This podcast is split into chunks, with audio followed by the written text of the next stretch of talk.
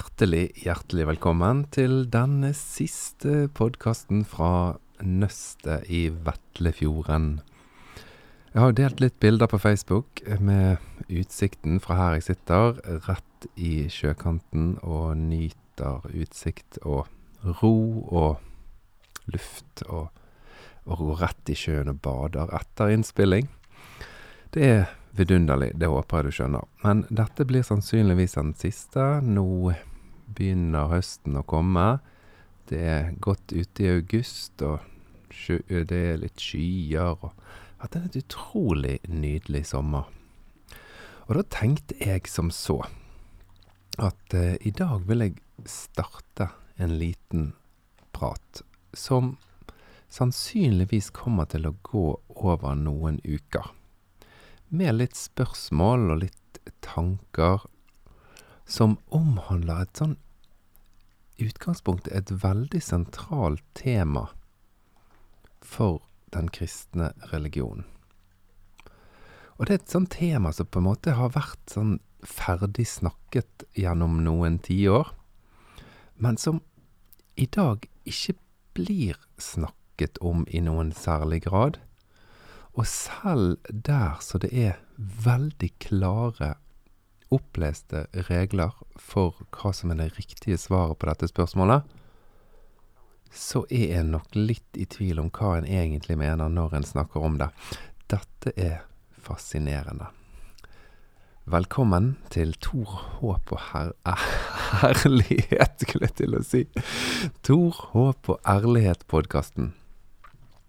Det er Tor Håkon Eiken som snakker, og tenk at du fortsatt lytter. Det setter jeg stor pris på.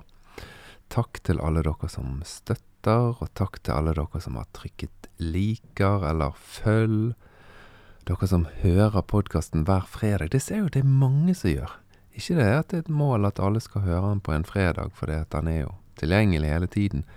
Og det er heller ikke et mål at du skal føle at du må høre alle episoder, men det er klart det varmer hjertet at eh, mange vil lytte, og at mange sender spørsmål og kommentarer og er interessert. I dag det har du kanskje sett. Så heter episoden Ja, så hvordan blir jeg frelst, da? Og det er jo et sånt spørsmål som har til tider hatt veldig sånn klart svar.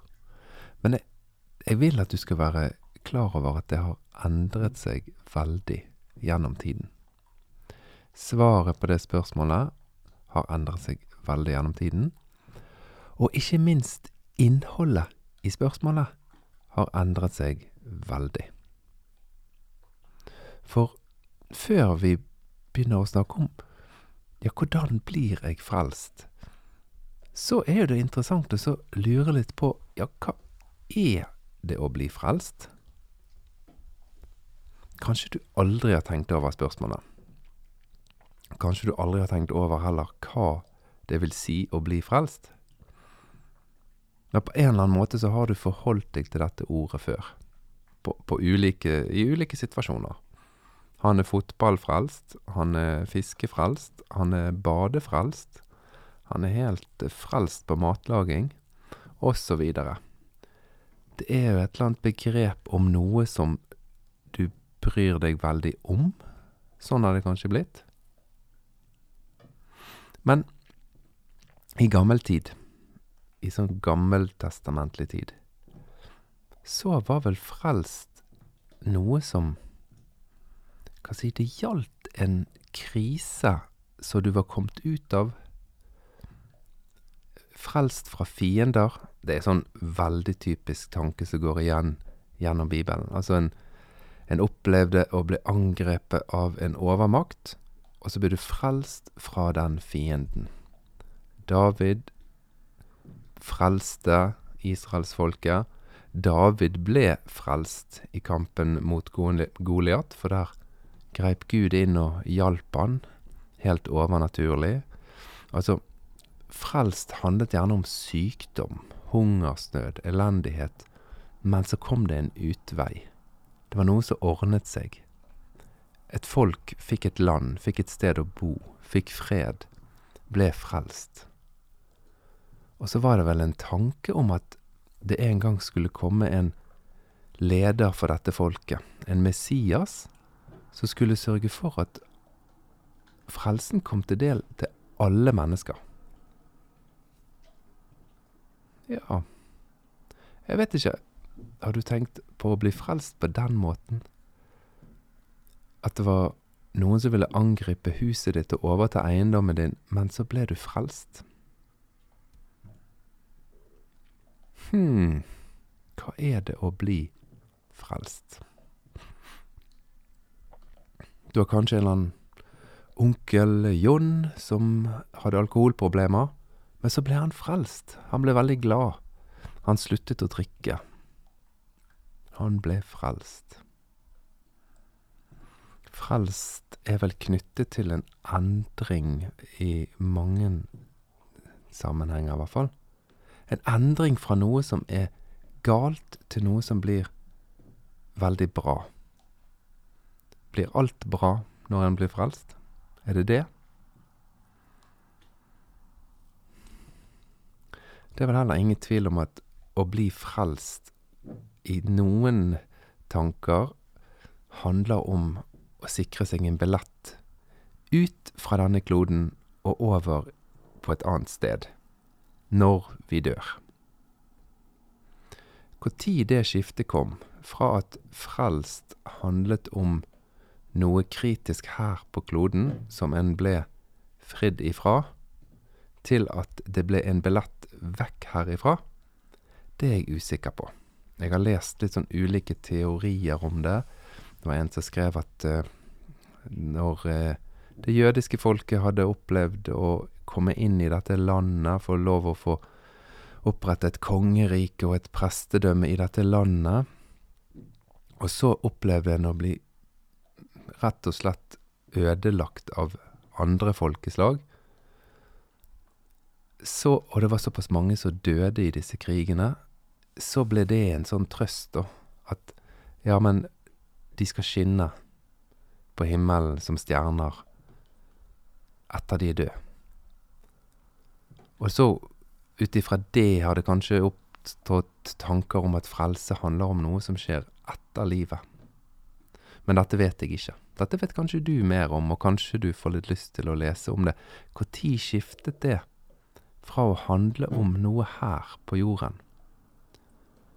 Og da er du inne i et stort emne som vi ikke skal gå inn på nå i, i disse episodene her om, om frelse. Men hele tatt denne tanken om at jorden og kroppen og noe sånt ikke er bra, og noe som vi skal stå imot, eller bli frelst ifra, og at det å ha lyst til å ha det fint her på jorden, det er litt sånn uh, syndig og feil og ikke åndelig og ikke himmelsk.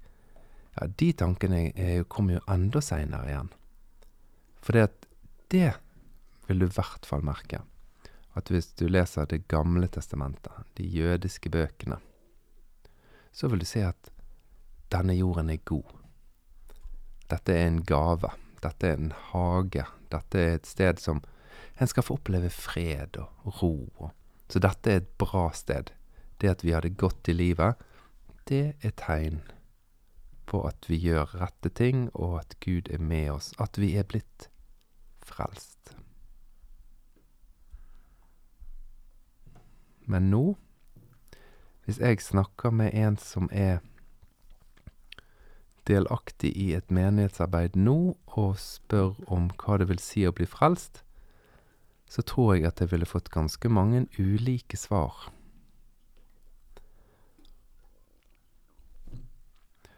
Der jeg jobbet før, i, for en del år tilbake, i en menighet og på en bibelskole, så var jeg eh, blant annet lærer på bibelskolen. Og det var en av Norges største, klart største bibelskoler. Og på den bibelskolen så hadde vi også et pastorkurs. Pastor det er det samme som prest, bare i den pinsesammenhengen som jeg hørte til, så var det Altså, pastor det het. Og pastorer og ledere fra bokstavelig talt hele Norge var på denne skolen. de, de tilhørte ulike kirkesamfunn. Men eh, mye i retning av det som har blitt kalt for pinse og karismatisk kristendom. Og iblant de på den bibelskolen, iblant oss, må jeg si, ikke de, iblant oss som var på denne bibelskolen, så var det mange begreper som fløt i luften, og som du hørte til stadighet. Alt fra halleluja til vær velsignet til salvelsen er over oss. Um, Guds salvelse hjelper oss. Alle mennesker skal bli frelst. Norge skal bli frelst. Det kommer en vekkelse. Vekkelsen er på vei. Vekkelsen nærmer seg. Endetiden er her. Altså ord og begreper som jeg ikke kunne lese og høre noe annet sted enn i kristne blader, aviser, på bibelskolen og på kristne møter. Så når jeg da som lærer Jeg hadde jo ikke et sånn utrolig avansert fag. Jeg hadde et sånn barne- og ungdomslederfag. Der jeg snakket og underviste om hvordan en la til rette for et godt barne- og ungdomsarbeid i menigheten. Og det var jeg ganske flink på, det tør jeg si. Um, men én ting jeg hadde skjønt Barn og unge som hadde vokst opp med disse ordene For de så betydde de ordene ufattelig lite. Det sa en nesten ingenting etter hvert som en ble litt ungdom, i hvert fall.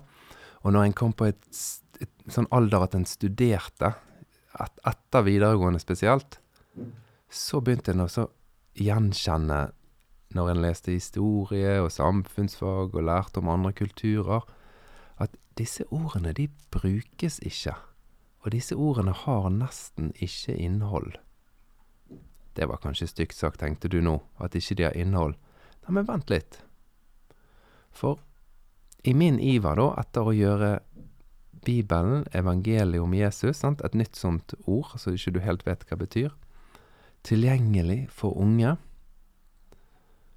så bestemte jeg meg for å ikke bruke sånne ord når jeg hadde sånne ungdomsmøter eller konferanser eller store samlinger. Prøvde å ikke bruke de ordene i det hele tatt, men lage ord som var forståelig, som hadde noe å si for den enkelte her og nå, altså noe som en kunne relatere til. Og dette pratet jeg med disse pastorene på dette bibelskolekurset om, og så ga jeg de en liste på nesten to A4-sider, ikke sånn tett i tett, men et par linjer, ett ord, og så et par linjer med tomrom, og så et nytt ord. Og det ble et par A4-sider med sånne ord og tomme linjer på, og så fikk de den oppgaven Sett dere for dere sjøl, og lag ordforklaring. En helt adekvat ordforklaring til hvert av disse begrepene. Jeg syns oppgaven var helt genial. For jeg tenkte det vil jo hjelpe oss i å kommunisere på en enklere måte, en mer forståelig måte. Og i hvert fall at vi kunne fortsette å bruke begrepene, men da med litt sånn avklart meningsinnhold. Men jeg oppdaget at denne oppgaven den ble ikke tatt godt imot.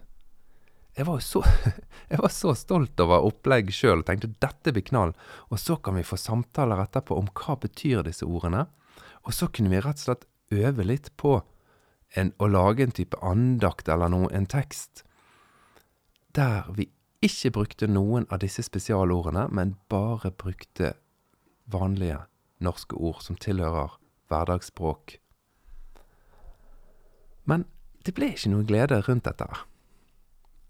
Og jeg, der og da skjønte jeg ikke hvorfor. Jeg bare kjente på du, Ja, hvis du har vært lærer noen gang, så har du kjent på det der.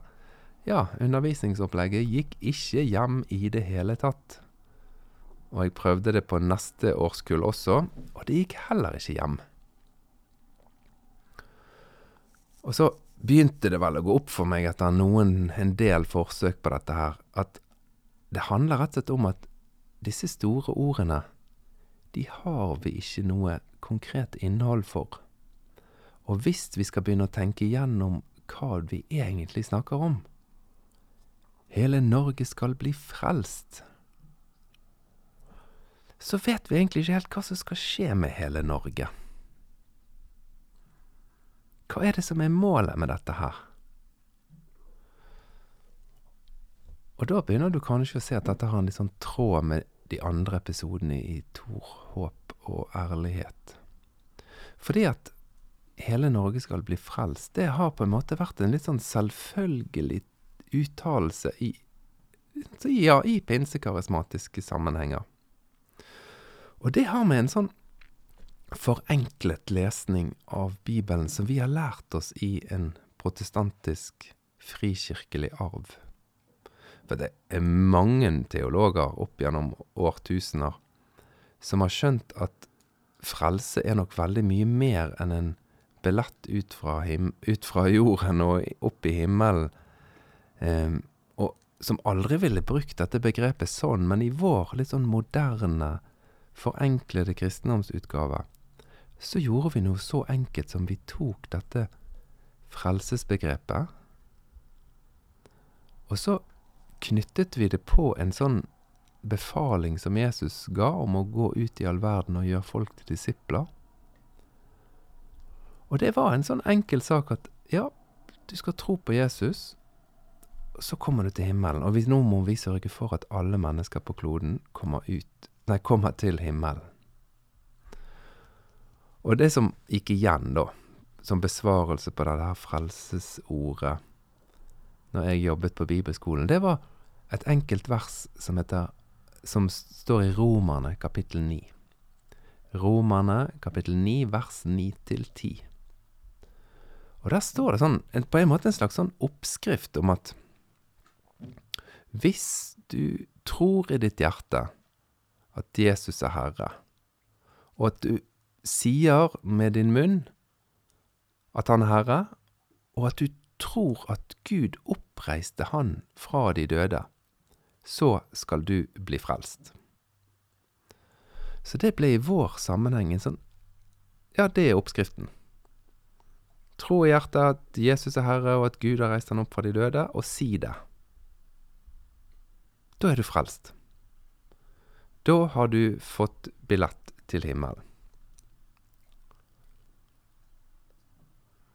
Og det er klart at Nå høres jo dette veldig sånn forenklet og nesten litt sånn fordummet ut, men skal du få dette her trosbyggverket til å henge sammen sånn som en gjør i en frikirkelig menighet, så må du hoppe over utrolig mye av de gamle tekstene, og så må du ta noen sånne snarveier som dette. Du må plukke ut noen sånne vers og si at ja, men det er svaret på det store spørsmålet. Dette verset er svaret på hvordan du blir frelst. For det står jo ganske klart at hver den som bekjenner med sin munn at Jesus er Herre, og at Gud har oppreist ham fra de døde. Liksom sånn blir du frelst. Altså er jo det veldig irriterende at det er ganske mange som spør Jesus om tilsvarende spørsmål som er referert i evangeliene. Og da er svarene ganske annerledes. Jeg har tenkt litt på at vi nå i noen episoder fremover så skal vi lese litt forskjellige tekster der Jesus blir stilt et sånt spørsmål. Hvordan arver jeg evig liv? Så hvordan finner jeg Guds rike? Og så se litt på hva han svarer. For han svarer ikke romerne 9, 9-10. Men det sier jo seg sjøl, for Rom, romerbrevet var jo ikke skrevet når Jesus gikk på jorden. Så han hadde ikke det å sitere. Han hadde bare tekstene fra Det gamle testamentet. Tekster som frelse i stor grad handler om noe på denne kloden. Jeg skal gi deg en liten sånn eh, smakebit på hva, vi, hva, jeg tenker at vi kan se litt på fremover. For dette syns jeg er spennende.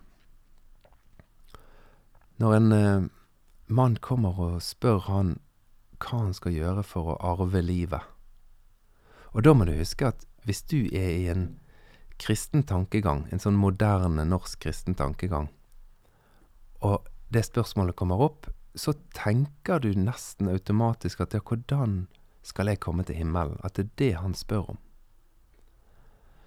Men hvis vi da, bare som en lite sånn prøveprosjekt, da Nå trenger ikke du å, å være helt med på dette, men som et lite sånn prøveprosjekt forestiller oss at Jesus var en jøde.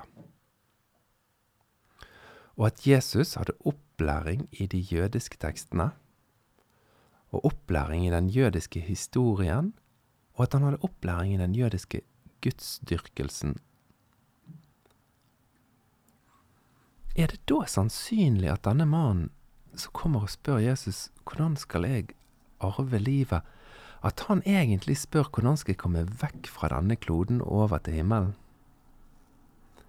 Er det sannsynlig at Jesus svarer i en sammenheng der det handler om å komme vekk fra kloden, når hele virkelighetsoppfatningen handler om opprettelsen av et folk i et land som skal være lys for alle hedningefolk?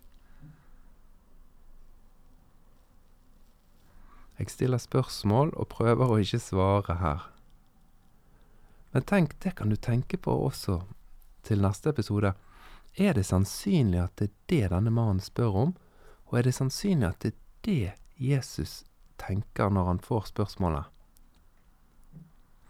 For Jesus han svarer jo, men ja, men det vet du jo. Hold loven. Og så sier han noen av budene om å hedre sine foreldre og, og så videre. Og så svarer denne mannen at ja, men jeg har holdt alle de budene. Det har jeg alltid gjort. Jeg har alltid holdt loven, jeg.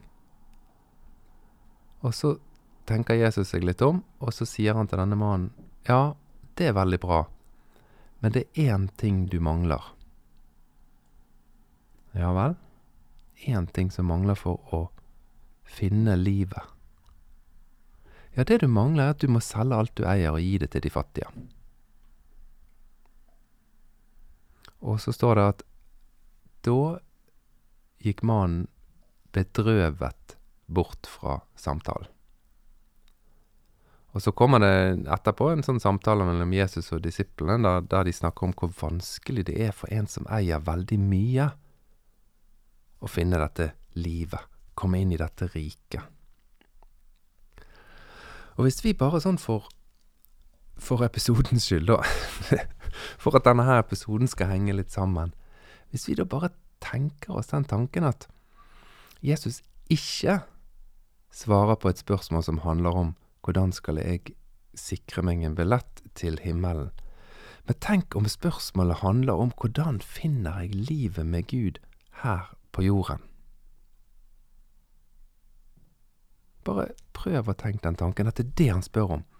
Hvordan finner jeg dette livet med stor L. Hvordan finner jeg mening med dette livet? Og så sier Jesus, ja, men det er jo i loven. I loven er de gode holdningene, hjertet for natur og medmennesker er i loven. Ja, men jeg har holdt alt det. Ja, men jeg ser at du er vanvittig bundet av den rikdommen din. Alt det du eier, det hindrer deg i å leve. Du bare selg det, du, og så følger du meg. Så kommer du til å merke at du finner livet. Tenk hvis det er det Jesus sier. Da gir jo det litt mer mening når du leser neste gang noen kommer og spør Jesus om noe sånt. For da svarer Jesus noe annet. Han sier ikke til alle 'selg det du eier', for at de skal finne livet.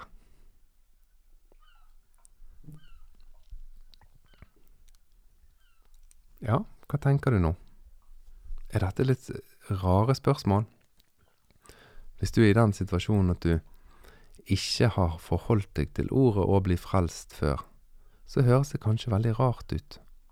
Men kanskje du da kan tenke på et eller annet foredrag du har hørt om eh, det å finne mening i livet. At mennesker opplever meningsløshet. Rike mennesker, og sånne som vi vanligvis ser på som veldig suksessfulle mennesker, at de kan kjenne på større tomhet i livet enn oss som har sånn noenlunde normal økonomi og Ja, prøv å tenke, sett inn i den settingen, da. Prøv å tenke at Jesus er en som svarer på sånne spørsmål. Hvorfor føler jeg på en sånn utrolig meningsløshet? Og er en da som er veldig lærd, som kommer til Jesus på et besøk om natten. Han er sånn statusperson innenfor den eh, religiøse eliten. Så han tør nok tydeligvis ikke å gjøre det kjent at han besøker Jesus for å snakke med han. Og så sier han mannen til Jesus noe sånt som at Men du, du er jo en sånn lærd person. Det er ingen som kan gjøre og si det du sier og gjør, Jesus, uten at du har kontakt med Gud. Og så sier Jesus at ja, men det er ingen som finner dette riket, finner dette livet, uten å bli som et barn igjen, uten å bli født på ny. Og så svarer jo han mannen det som jeg ville sagt, ja, men i all verden, hvordan skal jeg bli født på ny, skal jeg bli en baby igjen og komme inn i mors liv og bli født en gang til? Og så sier Jesus, nei, du, du må bli født ovenifra. Som om det fins et liv utenfor oss som trenger å bli barnslig. Det er litt snodig at Jesus sier det. Han kunne jo også sagt til han her. Nei, for å bli frelst, for å finne livet, så må du selge alt du eier og gi det til de fattige. Nei, til denne lærde mannen så sier han, du må bli som et barn, du blir bli født på ny.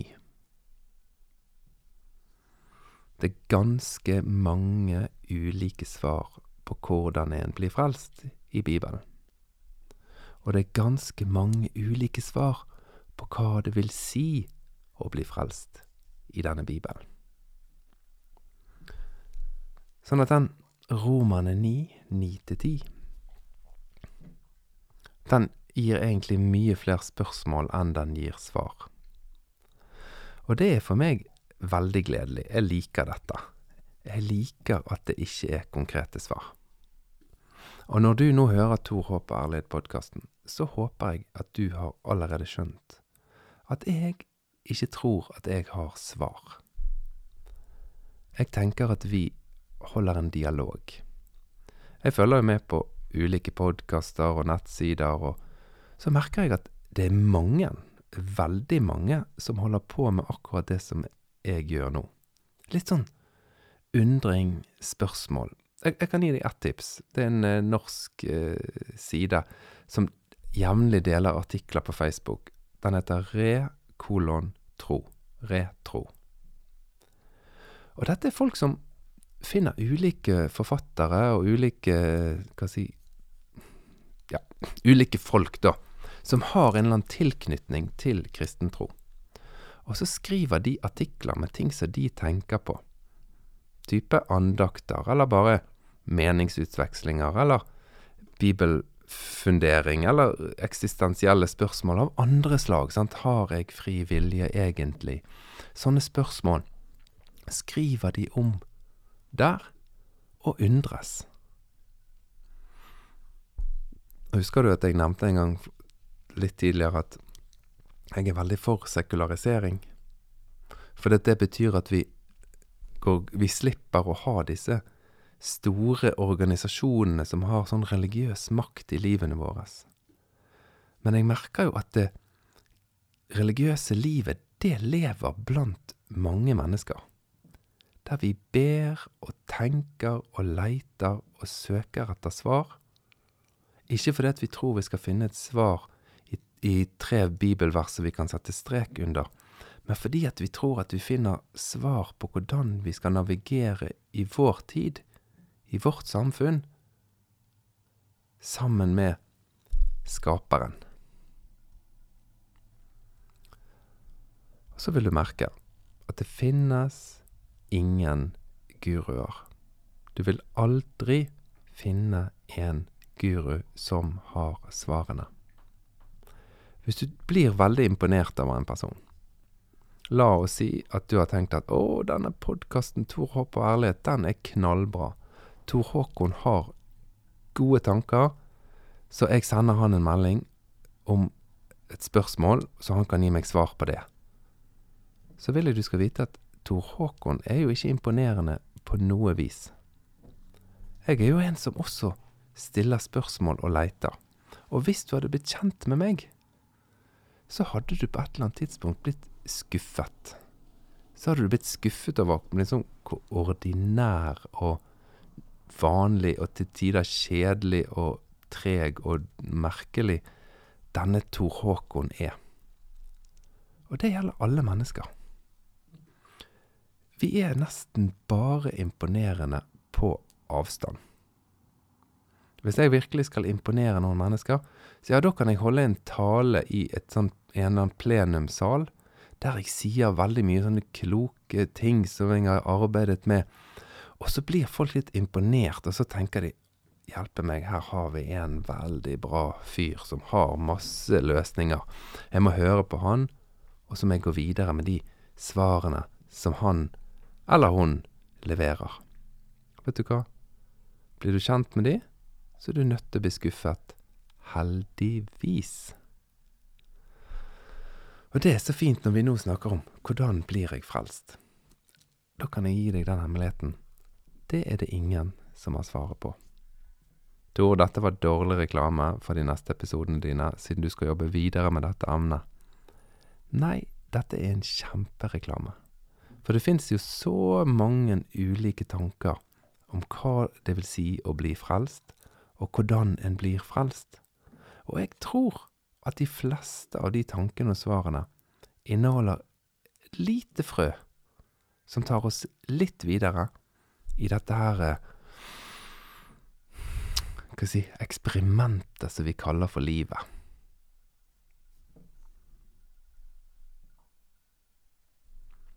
Tusen takk for at du hører på Tor Håp og ærlighet. Dette var en innledning til emnet Hvordan blir jeg frelst? Takk for at du lytter, og takk for at du deler podkasten. Vi høres igjen neste fredag.